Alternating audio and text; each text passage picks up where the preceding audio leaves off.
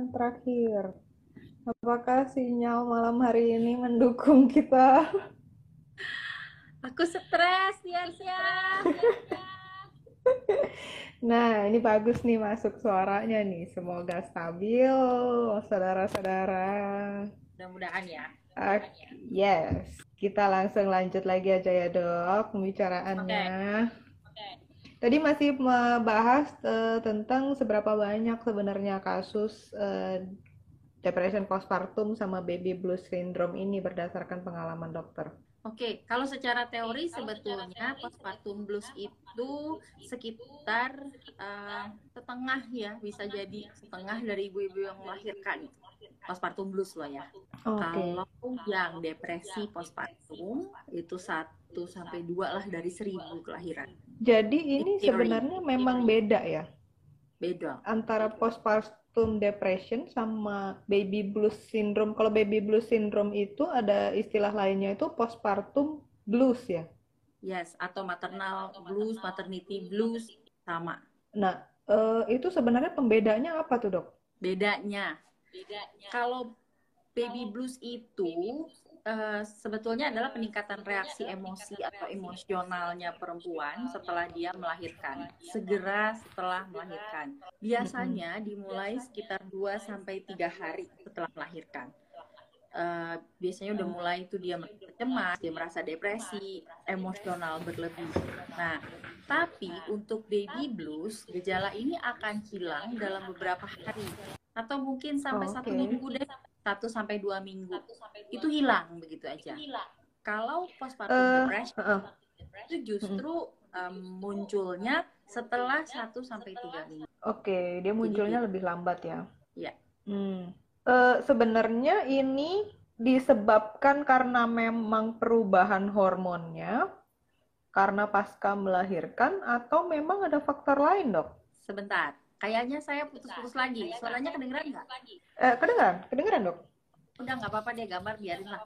Uh, masuk kok suaranya. Tapi pertanyaannya tadi nggak kedengeran. Oh, oh iya iya sorry sorry. Aku ulangin lagi ya. Jadi sebenarnya uh, antara baby blues syndrome sama postpartum depression ini apakah hanya disebabkan oleh uh, perubahan hormonnya aja pada pasca ibu melahirkan atau ada penyebab lain sebenarnya? Multifaktorial sebetulnya. Memang kan pada kehamilan dan juga postpartum itu terjadi perubahan hormonal dan itu kayak hmm. reaksi biokimianya. Hmm. Jadi memang ada perubahan hormon yang kemudian menyebabkan uh, gangguan mental. Tapi di luar dari itu sebetulnya ada juga masalah masalah psikososial. Jadi misalkan ada masalah dengan suami atau misalkan ada masalah dengan uh, dulunya pernah mengalami gangguan mental juga, misalkan depresi sebelumnya atau kecemasan sebelumnya, dan juga selain itu mungkin ada masalah kurang dukungan dari keluarga atau dia kehamilannya tidak diinginkan atau uh, dia dikucilkan. macam-macam sih. Hmm. Jadi ada faktor resiko juga kalau memang dia sebelum melahirkan eh sebelum bahkan sebelum hamil sudah mempunyai gangguan mental itu nanti setelah dia hamil dan melahirkan dia lebih rentan untuk terkena baby blues sama postpartum depression ini. Iya. Iya. Bisakah terjadi dua-duanya, Dok? Di satu pasien? Bisa. Hmm, oke okay, oke. Okay.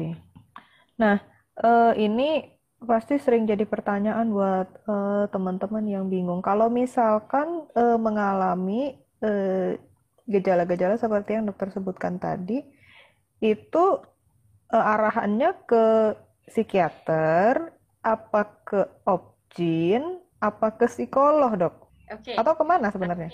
Gejalanya itu, gejalanya dulu deh ya. Hmm, hmm kalau kita bicara gejala sebetulnya perubahan mood yang tiba-tiba. Jadi nangis tanpa sebab yang jelas, sedih berlebihan, kemudian tidak bisa mengambil keputusan, kehilangan minat terhadap banyak hal. Jadi apa-apa tuh kayak nggak semangat gitu kan. Jadi moodnya tuh istilahnya adalah mood depresi. Hmm. Ada juga tambahan gejalanya misalnya uh, badannya jadi lemes banget atau sulit tidur atau gangguan tidur kemudian cepat merasa lelah, kadang-kadang bahkan bisa sampai punya ide untuk bunuh diri. Hmm. Kalau misalkan memang mendeteksi adanya gejala, maka segeralah cari bantuan. Gak usah takut, bisa ke dokter, misalnya ke objin boleh, ke psikiater boleh, ke psikolog boleh, mau ke puskesmas juga boleh. Yang penting adalah mencari bantuan sesegera mungkin supaya bisa uh, dibantu gitu loh. Segera didiagnosis dan juga segera diatasi. Karena sebetulnya apa yang dilakukan objin psikiater ataupun psikolog itu bisa bareng-bareng. Hmm. Karena cara mengatasinya bukan berarti cuma obat aja dari psikiater misalnya lalu masalahnya selesai. Ya enggak karena uh, bisa juga pemicunya adalah misalkan kondisi kehamilannya yang bermasalah. Misalnya tekanan darah tinggi dalam kehamilan berisiko bayinya jadi kecil resiko bayi meninggal dalam kandungan takut bayinya cacat itu kan semua masalah di objek. Mm. Jadi bisa juga uh, kerjasama. Nah kemudian kadang-kadang terapi obat-obatan itu tidak efektif tanpa adanya psikoterapi dari psikolog. Mm -hmm. Jadi ya either way boleh karena nantinya juga akan saling refer satu sama lain. Oke. Okay. Tapi di antara kedua ini gejalanya kurang lebih sama sebenarnya ya dok. Cuma kapan dia mulai dan jangka waktunya berapa lama itu aja ya pembedanya ya. Ya, dan memang ya, uh, si pos, apa baby blues ini dia memang lebih umum ya, maksudnya mungkin terjadi pada lebih banyak orang. Oh, ya oke oke. Okay, Udahan sendiri gitu. Bi jadi baby blues bisa uh, sembuh sendiri, bisa pulih sendiri tanpa ada intervensi obat maupun psikoterapi apa-apa gitu. Iya. Yang membutuhkan psikoterapi uh, dan uh, obat-obatan itu mungkin mungkin butuh bantuan obat-obatan itu yang uh, postpartum depression ya dok ya? Gambar saya masih nggak bergerak ya? Saya masih nggak bergerak ya? Masih nggak bergerak. Tapi suara dokter masuk jelas sih. It's okay dok. Lagi takutnya malah makin nggak jelas, jadi udahlah. Iya makanya. Yang penting suaranya masuk jelas. Uh, nah dok, sekarang gimana cara seorang ibu yang habis melahirkan, dia bisa mengenali bahwa ini adalah sudah di gejala baby blues syndrome. Atau lebih parah lagi ini sudah di postpartum depression gitu. Karena kan memang kalau seperti gejala yang dokter sebutin tadi uh, lemes terus tidak bersemangat terus mudah capek lesu terus mudah lupa gitu nggak konsentrasi. Uh, bukankah itu gejala-gejala yang cukup cukup umum dialami oleh ibu yang baru uh, melahirkan, terutama kalau misalkan dia nggak ada neni, nggak ada yang bantu untuk merawat anaknya gitu.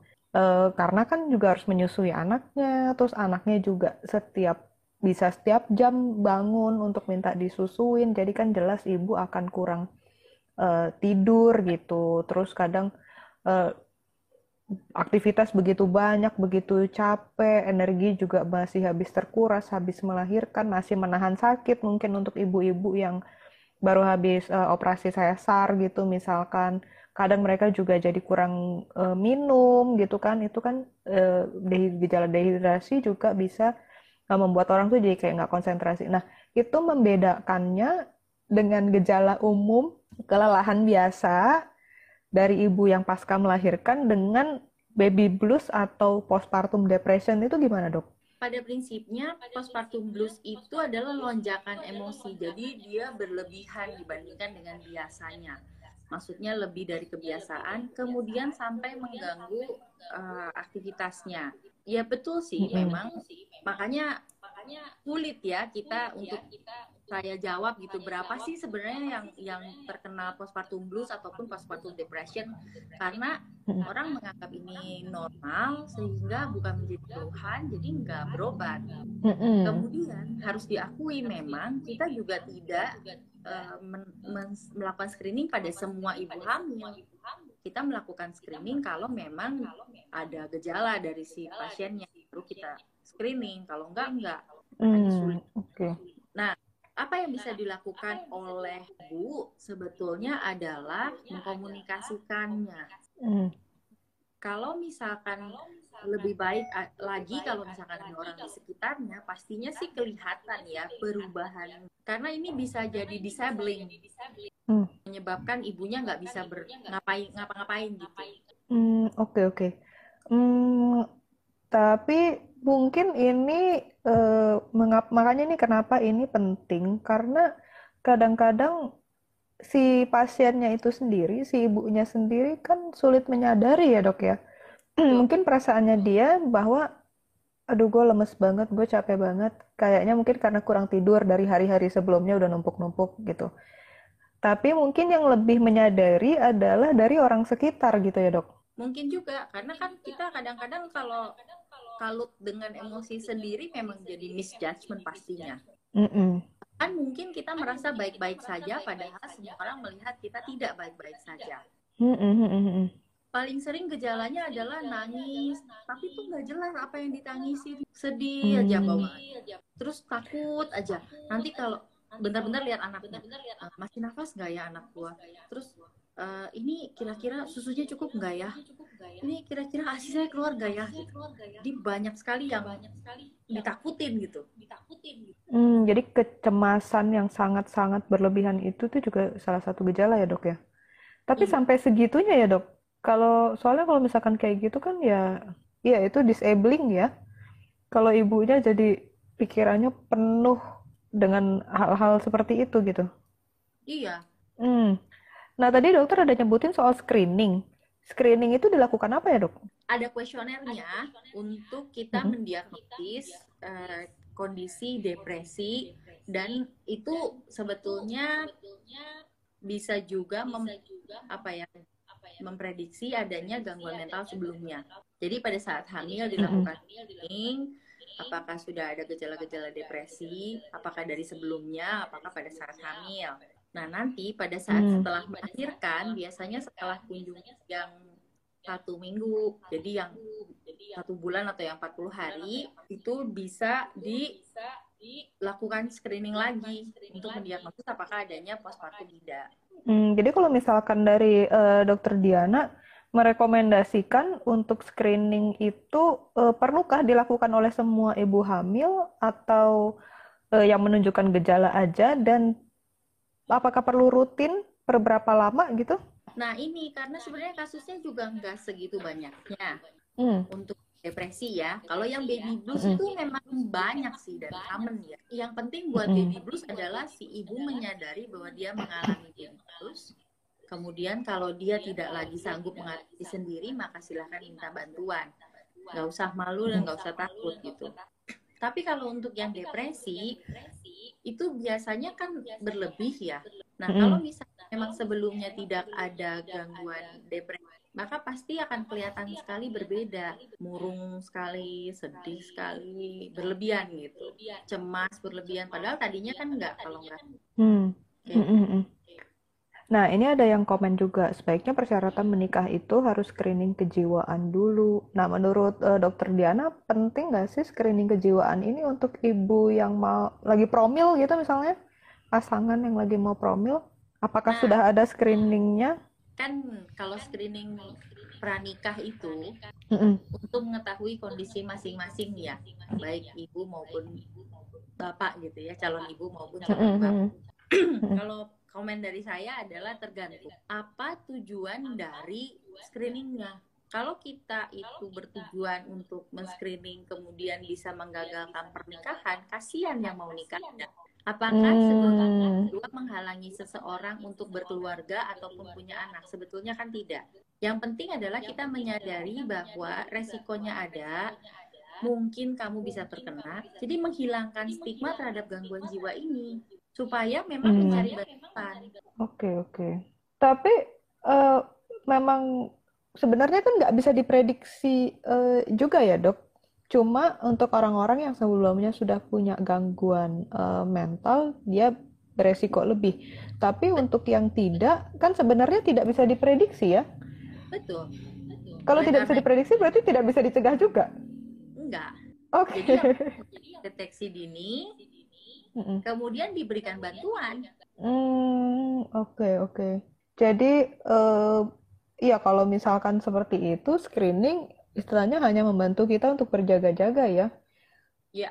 Kondisi ini juga nggak bisa, nggak ada hal yang bisa mencegah, eh, nggak bisa, ya nggak bisa diapa-apain juga gitu. Cuma pas muncul, segera deteksi dini, terus segera cari bantuan gitu secepatnya gitu ya dok. Nah, tapi kan memang ada beberapa faktor yang menjadi resiko ya. Kayak tadi resiko sebelumnya sudah ada gangguan mental, maka bisa persiapan dong. Kalau dia hamil, Mm-mm. mungkin akan muncul. Yang kedua, kita bicara tentang eh, masalah-masalah berhubungan dengan kehamilan.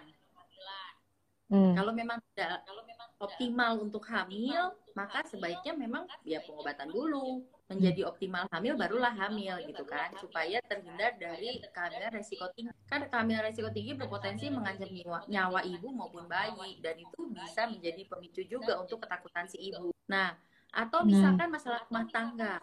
Kalau ini kan jelas bisa diselesaikan. Ketika memilih pasangan kan sebetulnya sekalian belajar bagaimana eh, karakter pasangan dalam mencari solusi ya. Hmm. Masalah itu diselesaikan gitu bukan dihindari gitu kan. Mm-mm. Hmm, tapi kan gini juga dok, kadang tuh eh, banyak banget malah ibu yang selama hamilnya pun sudah mengalami mood swing ini gitu. Itu itu bisa digolongkan sebagai sudah masuk baby blues atau gimana dok? Kalau baby blues sebetulnya terjadinya setelah melahirkan, postpartum. Kalau mood swing sebelum pada saat hamil itu juga memang ada yang normal ya. Hmm. Kehamilan itu tadi ya masalah hormonal itu memang bisa menyebabkan mood swing. Tinggal ah itu disabling atau tidak. Hmm. Seberapa parah gangguan moodnya, seberapa parah eh, keluhan-keluhan yang dialaminya. Kalau bingung ya minta bantuan aja. Gak usah ragu. Hmm, Gak usah oke. "Mas, aduh, nanti lebay nggak ya kalau gue ke psikolog cuman gara-gara hal seperti ini. Not at all. Oke, oke. Jadi kun- kata kuncinya sebenarnya di disabling atau enggak gitu ya. Ini sampai mengganggu aktivitas sehari-hari atau enggak. Tetapi mengganggu atau enggak mengganggu tetap eh, kalau memang merasa beban gitu, merasa Ya. ada mood swing yang parah, konsultasi iya benar-benar. Saya pikir Kenapa? gini ya, Ken- terhadap gangguan mental ya, sehingga kalau Hmm. bicara tentang hal-hal berhubungan dengan mental, itu nanti orang takut disangka gila. Iya, benar-benar, Dok. mencari pertolongan. Ah, enggak, ini aku pasti nggak gila. Ya Mm-mm. memang kamu gila, Terus tapi bukan berarti kamu bantuan gitu loh. Iya benar. Jadi kadang orang tuh eh, antara si ibu sendiri atau bahkan dari keluarganya juga eh, mereka kayak masih ngerasa oh ini kar- karena bawaan hamilnya gitu. Oh ini karena kurang istirahat gitu. Oh ini butuh butuh refreshing, ibu hamil butuh jalan-jalan gitu.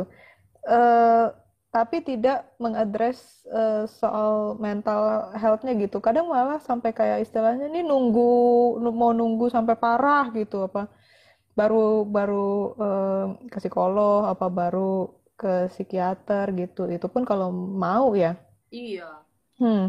Hmm, sebenarnya kalau yang dari eh, pengalaman dan pengamatan eh, dokter an- di antara baby blues dan eh, postpartum depression ini nih eh, bisa sampai se- separah apa sih dok? Sekacau apa sih eh, mengganggu kehidupan seorang ibu? Kalau kita bicara dampak, kita harus bicara dampak keseluruhan. Artinya bukan hanya pada ibu sebetulnya, karena ibu itu bagi- bagian dari keluarga. Ada suaminya dan juga ada anaknya. Hmm. Jadi dampak pada ibu, dia bisa jadi mengucilkan diri. Kemudian dia kemudian eh, merasa tidak mampu mengurus anaknya, menelantarkan anaknya, Hmm. tapi dia takut untuk minta tolong, merasa semuanya salah dia sendiri, ujung-ujungnya bisa ada pemikiran untuk bunuh diri ataupun bunuh anaknya. Hmm, jadi ini mungkin yang eh, kayaknya kan ada beberapa kali tuh kita nonton di berita tuh dok, Iya. ibu yang membunuh bayinya gitu, membunuh anaknya. Kalau di berita tuh pasti ditulisnya em, karena stres dengan masalah rumah Iya. tangga kayak Iya. gitu biasanya. Eh, iya iya iya iya. sebetulnya yang tidak membantu adalah kok tega banget sih ibu ngebunuh anaknya. Mm-mm, mm-mm. kalau kita bicara tentang postpartum depression dan dia sendiri sampai punya pemikiran bunuh diri ataupun membunuh anaknya, itu sebetulnya salah orang di sekitarnya juga, buat kita nggak membantu. Hmm. ada yang mendeteksi bahwa dia punya perubahan mood. Karena itu pasti nggak akan serta merta tiba-tiba dia bunuh. Gitu. Pasti sebelum-sebelumnya dia udah ada tanda-tanda mengucilkan diri sendiri, kemudian dia juga sedih berlebihan, atau mungkin sebelumnya dia udah nggak mau mengurus anaknya, tapi kemudian dipaksa dengan kata-kata kamu kan ibunya, kamu harus sayang sama anak kamu, masa kamu nggak ngurus anak dan lain sebagainya. Dan kemudian malah menyalahkan si ibunya ber, bertubi-tubi gitu. Jadinya udah hmm. nggak membantu, terus ujung-ujungnya ih kamu jadi ibu tega banget anak, sama sekali nggak membantu. Itu udah istilahnya udah puncaknya ya dok. Sampai ibu itu eh, berpikiran untuk bunuh diri atau dia membunuh anaknya gitu atau sekalian gitu. Kadang kan ada juga tuh beritanya tuh. Setelah dia membunuh anaknya langsung dia eh, bunuh diri juga gitu. Iya. Hmm, iya ya sampai uh, sampai separah itu ya dok ya. Dan nah, itu nah kan bisa terjadi sampai beberapa tahun sesudahnya ya dok? Eh, biasanya sih satu tahun sih kalau yang postpartum depression sih ya. Kalau yang, oh. kalau yang lebih dari itu berarti memang dia punya uh, gangguan mental yang menetap ya, major depressive disorder. Hmm. Tapi selama satu tahun itu seandainya nggak di uh, terapi apa-apa gitu, apakah dalam satu tahun itu dia bisa lewat sendiri gitu, pulih sendiri atau gimana dok? Ya sebetulnya sih bisa nantinya seiring dengan berjalannya waktu itu gejalanya akan berkurang, berkurang, berkurang. Mm-hmm. Apalagi kalau misalkan memang nggak sampai separah punya pemikiran bunuh diri ya masih hidup berarti kan. Mm-hmm. Jadi masih bisa sih dia menjalani harinya selanjutnya. Mm. Mungkin juga kalau anaknya mm, udah agak lebih uh, besar gitu, mungkin ya, dia ya, juga istirahatnya ya. juga udah lebih cukup gitu beban dari orang-orang mungkin nggak terlalu uh, separah waktu dia baru habis melahirkan gitu ya. Jadinya gejala-gejala itu juga perlahan-lahan mulai berkurang gitu ya dok. Nah, uh, kalau tadi bicara dampak negatif kita baru bicara buat belum oh, bicara okay. untuk belum bicara karena okay, okay. uh, ibunya depresi, ayahnya itu cenderung juga bisa akan tertular si depresi ini. Maksudnya tertular tuh bukan karena penyakit menular ya. Eh maksudnya dia jadi ikutan depresi gitu gara-gara dia lihat istrinya depresi, dia nggak bisa bantu, terus dia juga bingung apa yang harus dilakukan. Banyak sekali ayah yang tidak diberikan pengetahuan ataupun bekal sebanyak si ibunya.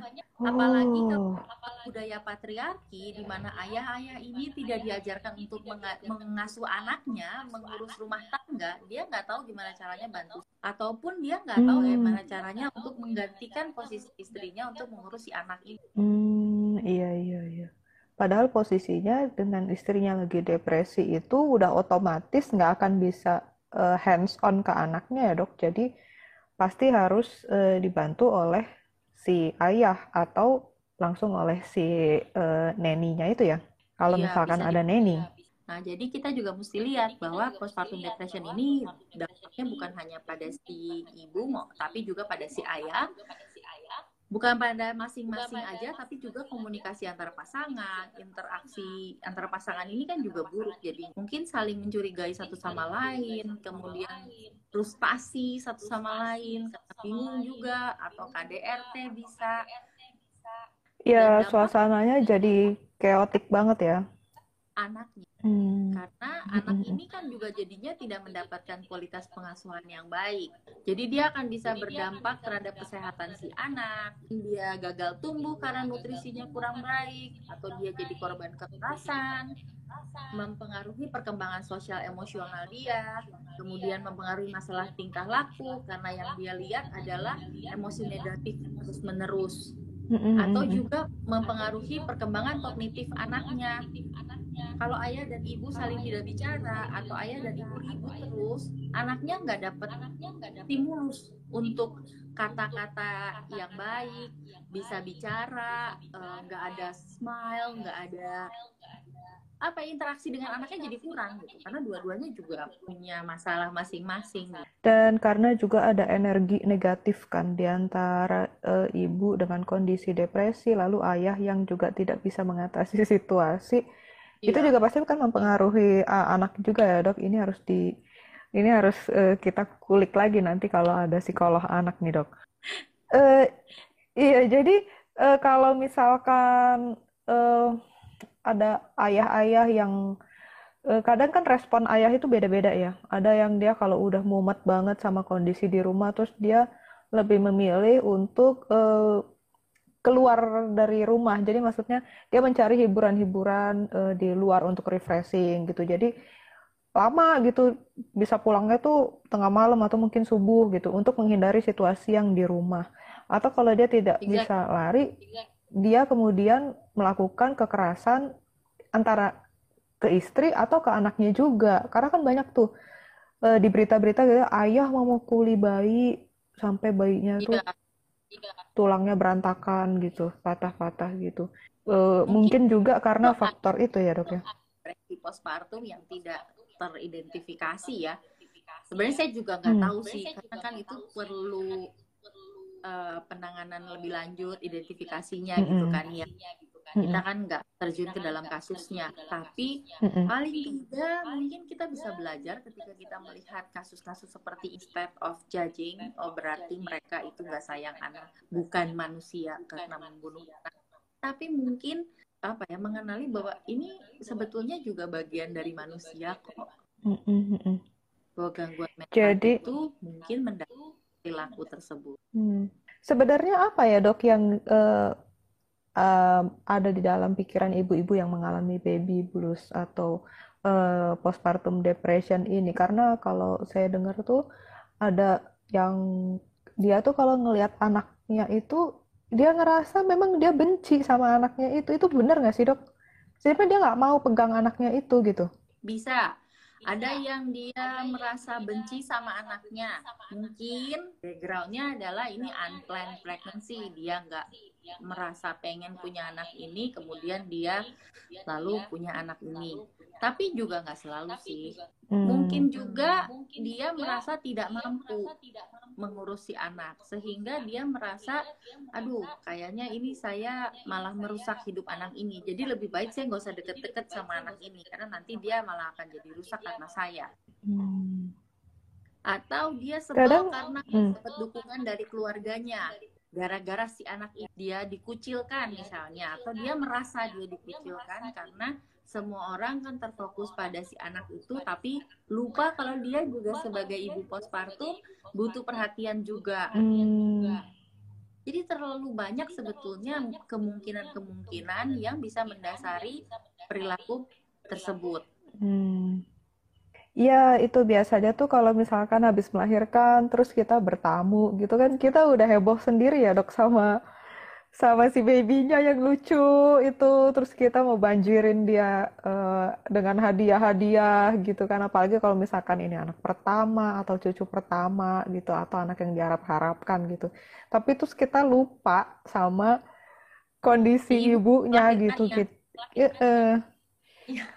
iya iya iya jadi mungkin itu bisa jadi salah satu solusi ya dok ketika kita bertamu untuk uh, jenguk yang baru melahirkan itu harus lebih adil nih, nggak cuma fokus ke babynya, tapi juga fokus ke ibunya nih. Bahkan mungkin kalau uh, kalau saya sih biasanya tuh uh, kalau lagi bertamu teman habis melahirkan gitu, saya lebih lebih prefer untuk kasih hadiah ke si ibunya, bukan ke babynya. Karena kalau ke babynya saya yakin sih orang-orang udah banyak yang ngasih. Dan orang tuanya sendiri kan juga pasti kan kepersiapan ya. Mereka kan pasti beli gitu. Tapi kan kalau yang ke ibunya tuh suka lupa gitu. Dan mungkin ini hmm. nyambung mungkin ini nyambung uh, pembahasan kita minggu hmm. lalu tentang gaming. Nah. Kadang-kadang kita ini uh, dia sambungannya. uh, ini ya apa langsung memberikan advice gitu. udah begini aja begitu aja. tapi nggak bertanya sebetulnya kamu butuh bantuan apa gitu. Jadi instead of just telling them what to do kenapa nggak bertanya kamu butuh apa? Mm -mm. sebenarnya itu lebih sederhana ya dok. Kita nanya aja kan. Jadi kita juga nggak salah ngasih um, nggak kasih uh, komen-komen yang nggak penting gitu. Jadi mom shaming itu uh, termasuk salah satu faktor resiko yang bisa uh, membuat uh, memperparah seorang ibu itu baby blues sama postpartum depression ini ya dok. Dok tadi aku kelupaan untuk nanya. Sebenarnya ada ini juga nggak perbedaan faktor resiko antara uh, apakah ibu ini melahirkan secara normal atau secara sesar atau apakah ini di anak pertama atau di anak yang kesekian kelima keempat kelima gitu misalkan uh, ada perbedaan itu nggak dari dari uh, apa jurnal-jurnal mungkin yang selama ini dokter baca? Nggak nggak bukan murni hmm. dari jumlah anak ataupun proses persalinan enggak kalau dari usia gimana dok? Misalkan ibu yang uh, melahirkan di usia yang muda sekali di bawah 18 tahun mungkin di bawah 20 tahun enggak. gitu atau enggak. mungkin ibu-ibu yang di usianya tua sekali gitu apakah lebih rentan enggak juga oh oke okay, oke okay. jadi benar-benar nggak bisa diprediksi ya ini ya Iya, jadi susah juga nih. Ya nggak apa-apa, uh, berkenalan dengan kondisinya, berkenalan dengan gejalanya, sehingga kita bisa mendeteksi dini, gitu kan? Nah, kalau misalkan uh, dokter menemukan ada uh, pasien yang datang dengan kayaknya ini gejala-gejala depresi sih, atau uh, baby blues gitu, biasanya yang dokter sarankan ke ibu itu gimana? apakah lebih baik memang ibu itu menahan diri dulu dari merawat bayinya sampai dia uh, enakan atau gimana sebaiknya dok? Sebetulnya kita nggak bisa menangani pada si ibu saja, tapi juga kita melihat si ibu ini punya faktor resiko apa, dukungan apa yang dia punya. Jadi dia punya kekuatan-kekuatan apa yang sekiranya bisa membantu dia dalam mengatasi masalahnya. Karena nggak mungkin kita hmm. hanya bilang nggak apa, tenang aja, nanti juga akan berlalu. Kalau ternyata berlalu, gimana? Mm Jadi Uh, kalau saya sih biasanya kita menggali dia punya potensi-potensi apa saja yang bisa dia berdayakan untuk menyelesaikan masalah dia. Misalkan tinggal dengan siapa suami, oke, okay, suaminya mana? Kita ajak juga untuk terapi bersama karena dukungan suami kan hmm. kan tentu sangat penting dan juga tadi screening juga jangan-jangan bapaknya ini kena uh, postpartum depression juga nih si ayah gitu kan jadi kita dua-duanya kita uh, ketemukan dan kita juga uh, dukung. kemudian cari kamu bisa mendapatkan bantuan sosial dari siapa? tetangga kah? orang tua kah? Kakak adik atau siapa? Atau neni kah? Kan kalau orang Indonesia kekeluargaannya sangat kuat ya. Mm -hmm. Jadi dari situ uh, kita bingung uh. kekuatan kekuatan apa yang dia punya mm. dan kita bisa beri advice memang akhirnya personal ya nggak bisa kita uh, generalkan bahwa semua orang akan berhasil dengan cara yang sama pasti tidak mm -hmm. karena semua orang punya resiko yang berbeda semua orang juga punya masalah yang berbeda. Mm -hmm. Hmm, jadi uh, yang dokter sarankan kalau misalkan ada gejala-gejala atau yang butuh bantuan, uh, yang pertama itu dilakukan screening dulu bersama dengan pasangan ya dok. Iya. Nanti uh, setelah itu hasil dari screening uh, gimana, baru uh, dokter refer refer gitu mungkin ya. Betul. Karena kalau kan butuh psikolog ke psikolog atau uh. mild moderate mild severe-nya ini loh kalau hasil screening tuh. Kalau oh, mild iya menghitung derajat ya. Tapi kalau udah moderate atau severe saya nggak bisa. Saya harus refer pasti. Kondisi uh, seperti ini apakah misalkan sampai membuat ibu asinya jadi nggak bisa keluar gitu misalkan ya gimana? sebetulnya Ad, iya asi iya supply and demand. Supply and demand. Mm -mm. Kalau demandnya kurang, supply-nya jadi otomatis berkurang.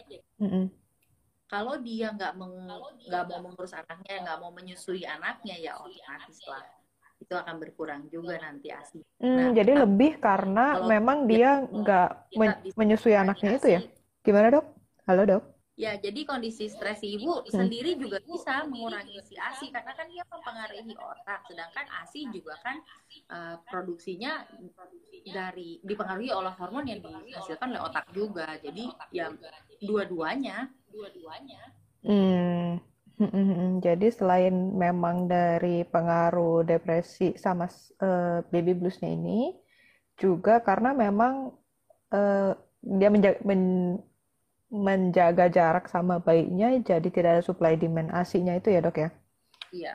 Selanjutnya setelah kalkulasi uh, source kira kira-kira apa yang perlu dilakukan sama uh, ibu dan suaminya atau kalau perlu orang tua atau mertua gitu langkah selanjutnya gimana dok? Orang sekitar ya maksudnya. Mm -mm. Orang terdekat harus cermat mengenali perubahan yang terjadi pada ibu ya. Jadi kalau misalkan memang si ibu ini menunjukkan gejala-gejala yang ternyata semakin parah, itu orang-orang sekitarnya harusnya bisa bisa memberikan dukungan juga. Jadi memberikan hmm. bantuan yang memang diperlukan oleh si. Hmm, hmm, hmm. Nah, yang paling hmm. penting adalah hilang stigma mengenai gangguan jiwa. Iya betul. Karena sebenarnya gangguan jiwa itu uh, bisa terjadi sama siapa saja dalam fase hidup yang kapan pun ya dok ya. Betul.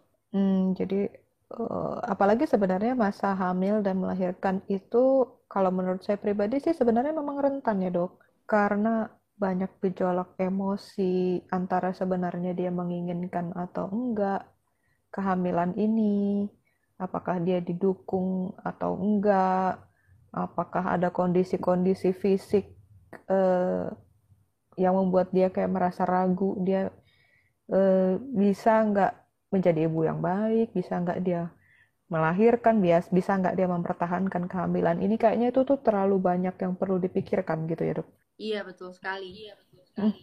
Selain hormonal Kal itu tadi. Uh, Kalau jarak antar anak bisa mempengaruhi nggak dok? Uh, jarak antar anak juga nggak murni mempengaruhi ya. Itu bisa memperburuk ya. Kayak tadi lah usia lah, apa tadi tentang masalah keluarga, ya anak keberapa diinginkan atau tidak diinginkan semuanya itu mm -hmm. nggak nggak ada faktor tunggal ya mm -hmm. aja kalau itu memang menjadi masalahnya dia dia bisa memicu tapi kan kalau misalkan dia di anak yang sekarang terus ternyata dia muncul uh, baby blues atau marah uh, depression gitu ya bagusnya sih harusnya sih ditunda dulu ya untuk anak berikutnya ya? Ya kalau misalkan memang mengalami menurut dokter gimana? Itu kan hmm. biasanya selesai dengan sendirinya ya.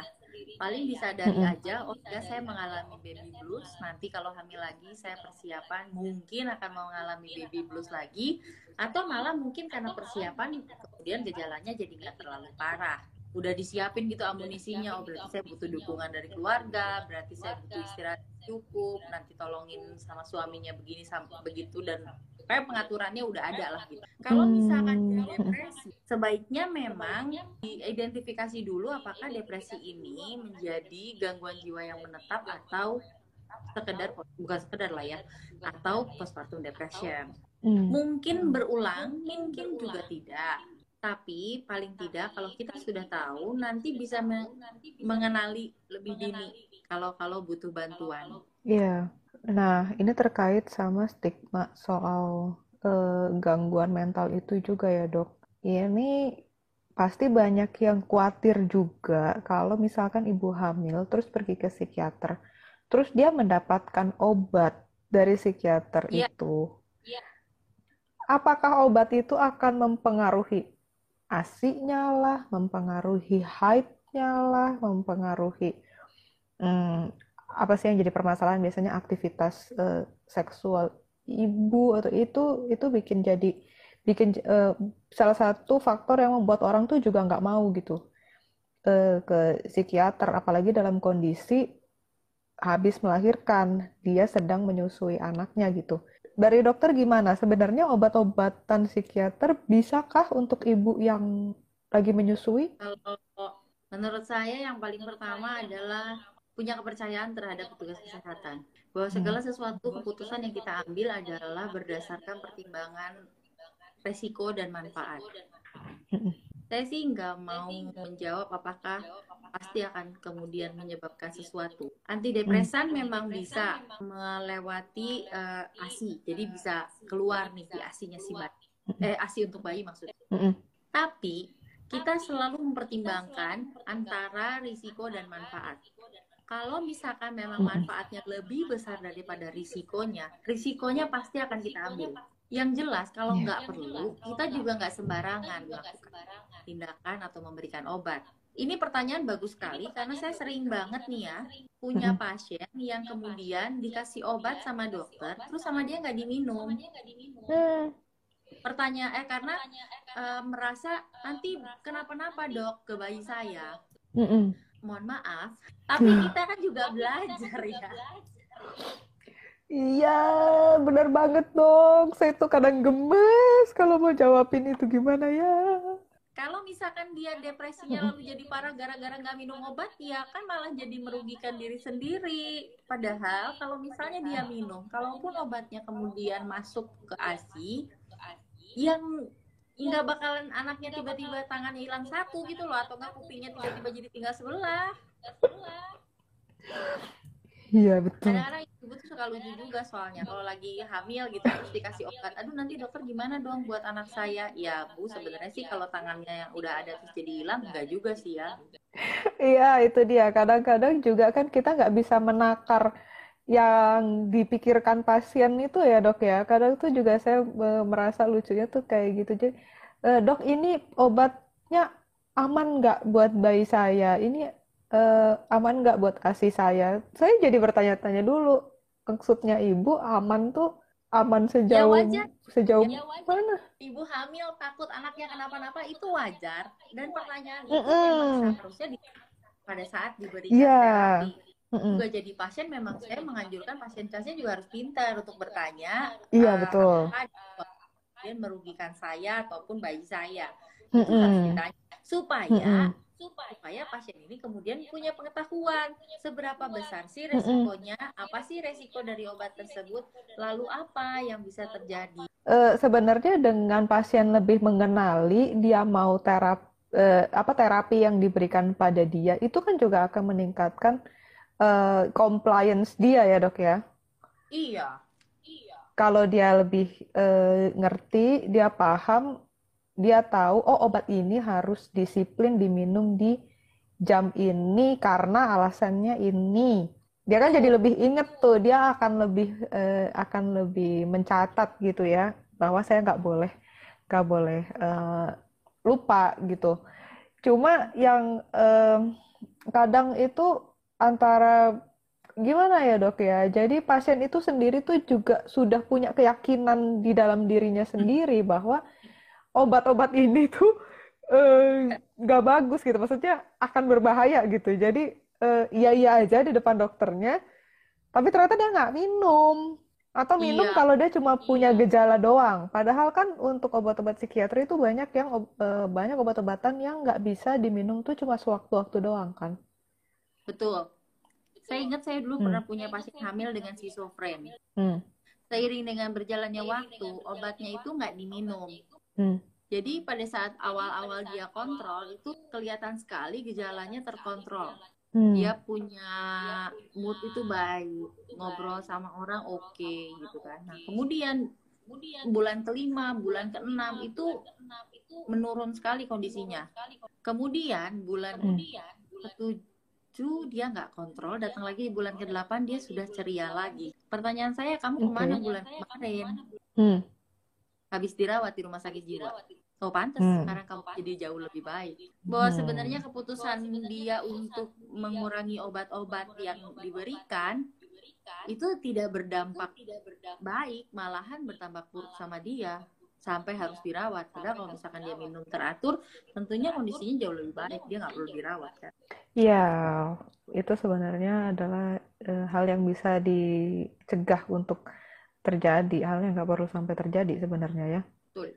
Nah dok, dokter ada saran-saran nggak untuk kita kita nih tenaga medis khususnya sejawat-sejawat saya yang dokter-dokter umum gini, kalau misalkan menerima pasien-pasien yang kira-kira baby blues atau uh, ada eh, tanda-tanda postpartum depression, eh, apa yang harus kita lakukan? Ada protap-protap eh, khusus kah atau gimana? Uh, pertama memang tetap melakukan screening. Silakan dicari uh, EPDS. E P. EPDS. Eh DS. apa? E Edinburgh. Eko dok. Uh-uh. Postnatal. Uh-uh. Depression. Ill. Oh oke oke. EPDS oke. Ini screeningnya ya dok. Nah, EPDS ini sudah tersedia Hmm. dalam bahasa Indonesia sebetulnya. Jadi kalau dicari di Google pasti ada. Hmm, Oh oke. Nanti kalau kamu mau minta sama saya juga boleh saya kasih Ah, versi Oke. versinya. Asik. Ini sudah uh, dianggap sebagai depresi, uh, sorry, screening tool yang baik bisa dilakukan oleh siapa aja. Maksudnya siapa aja tuh nggak harus psikiater. Hmm. Nanti, Termasuk keluarga uh, sendiri boleh dok? enggak, enggak, enggak, enggak. Maksudnya Oh, harus ini hanya tenaga medis maksudnya aja ya? Oh, Oke oke. Oke oke. Nanti kalau misalkan udah ada hasilnya, nanti ada petunjuknya. Oh, ini harus refer. Hmm. Ini bisa psikoterapi aja. Mm-mm. Ini bisa. Jadi kalau psikoterapi kan biasanya sama psikolog ya. Kalau obat obatan baru sama psikiater. Atau harus Oh, dua-duanya oke. misalnya. Hmm, jadi memang eh, kalau untuk tenaga medis eh, dan yang dokter umum kita bisa gunakan tools ini ya EPDS Ya. untuk eh, screening terus nanti eh, akan udah ada arahannya ya dari screeningnya itu ya mesti gimana ya. Nah, Nah, sih eh, tapi kayaknya Hmm. kan dari saat hamil. Jadi kita Oh, bisa oke. baca kondisinya waktu hamil seperti apa, nanti pada saat postpartum seperti apa. Hmm, ya, ya, ya, oke. Nah, ini mungkin juga eh, kalau eh, pesan dari saya, mungkin kalau untuk teman-teman jangan terlalu mengentengkan juga kali ya, dok ya. Karena eh, di dalam pikiran kita yang dokter umum ini, ke kondisi-kondisi mood swing dan segala macam itu, itu memang wajar dari dari perubahan hormon hamilnya kan. Jadi eh, ya paling tinggal ibunya istirahat cukup lah terus eh, berjemur pagi kayak gitu-gitu aja gitu kadang yang saran-saran yang yang kita eh, kasih ke pasien gitu dok. Jadi Boleh-boleh aja eh, memberi saran oh seperti oke. itu sebenarnya. Bagaimana si ibu boleh mengenali emosinya, kemudian bagaimana cara dia menenangkan diri, bagaimana cara dia Hmm, eh, mengatasi masalah supaya dia mm-mm, bisa lebih baik gitu kan ya. Nah, tapi mungkin mm-mm. yang perlu di-highlight adalah ketika kamu sudah melakukan usaha itu tidak berhasil, segeralah balik lagi. Ah, oke oke. Saran itu yang mesti ditambahin ya, kasih tahu ke pasien ya. Sarannya terbatas pada ya udah kamu mesti begini begini begini begini ya gitu udah. Terus udah gitu. Padahal kalau misalkan bisa kita tambahin ya kalau itu nggak berhasil, om balik lagi. Saya selalu menekankan Hmm, sama pasien gini, kalau misalkan saya berikan satu terapi, kemudian tidak berhasil, itu menjadi tanggung jawab saya. Jadi kamu balik lagi. Nanti saya pengen tahu masalahnya oke. di apa? Obatnya yang kurang pas, Mm-mm, kamu minumnya nggak teratur, mm. diagnosisnya ternyata nggak tepat, ya macam-macam kan sebenarnya faktornya yang bisa mempengaruhi keberhasilan terapi. Hmm, iya iya benar. Nah itu teman-teman pesan dari Dokter Diana. Waktu kita kayaknya udah mau habis, Dok. Oke, Tadi banyak tuh quote of the day dari Dokter Diana, tapi mungkin mau di highlight lagi, Dok, pesan-pesannya. oke. Yang pertama, Hmm, identifikasi masalah psikiatri pada kehamilan memang sulit karena pada dasarnya kehamilan mengubah perilaku dan mood. Yang kedua, faktor hormonal dan tekanan dalam hidup itu sangat dapat mempengaruhi kesehatan jiwa dan munculnya gangguan jiwa dalam masa hamil dan melahirkan. Jadi multifaktorial ya. mm-mm. Yang ketiga, tidak hanya ibu yang dapat mengalami depresi postpartum, tapi juga ayah. Dan dampaknya pada seluruh anggota keluarga, ayah, ibu, dan anak. Jadi jangan berfokus pada ibu saja, tapi memang harus lihat keseluruhan keluarganya. Yang keempat, Hmm. Oh, marilah masih ada lagi kita yang keempat. dan beri dukungan. Jadi kalau kita ingat pembahasan minggu lalu tentang mom shaming, daripada memberi advice macam-macam, lebih baik tanya aja apa yang bisa saya bantu. Oke, sebenarnya kan sederhana ya, Dok. Tanya, nggak usah sok tahu, nggak usah eh ini itu enggak. Sebenarnya minggu lalu juga kan kita udah bilang ya dok ya. Sebenarnya bukan sok tahu, kita cuma mau sharing doang. Cuma Ya, sharingnya betul. kebablasan. Nah itu yang mesti dilatih tuh. Oke, dok, thank you banget untuk ilmu-ilmunya hari ini. So sorry ya, ini Eh, memang kendala iya nih justru itu jaringan ini. em, bukan dok. Kayaknya memang dari eh, entah apa nih ya hawa-hawa eh, frekuensi sinyal ini tuh memang minggu-minggu ini tuh memang parah banget dok. Semua Instagram Live saya liatin semua bermasalah, bermasalah sinyal. Jadi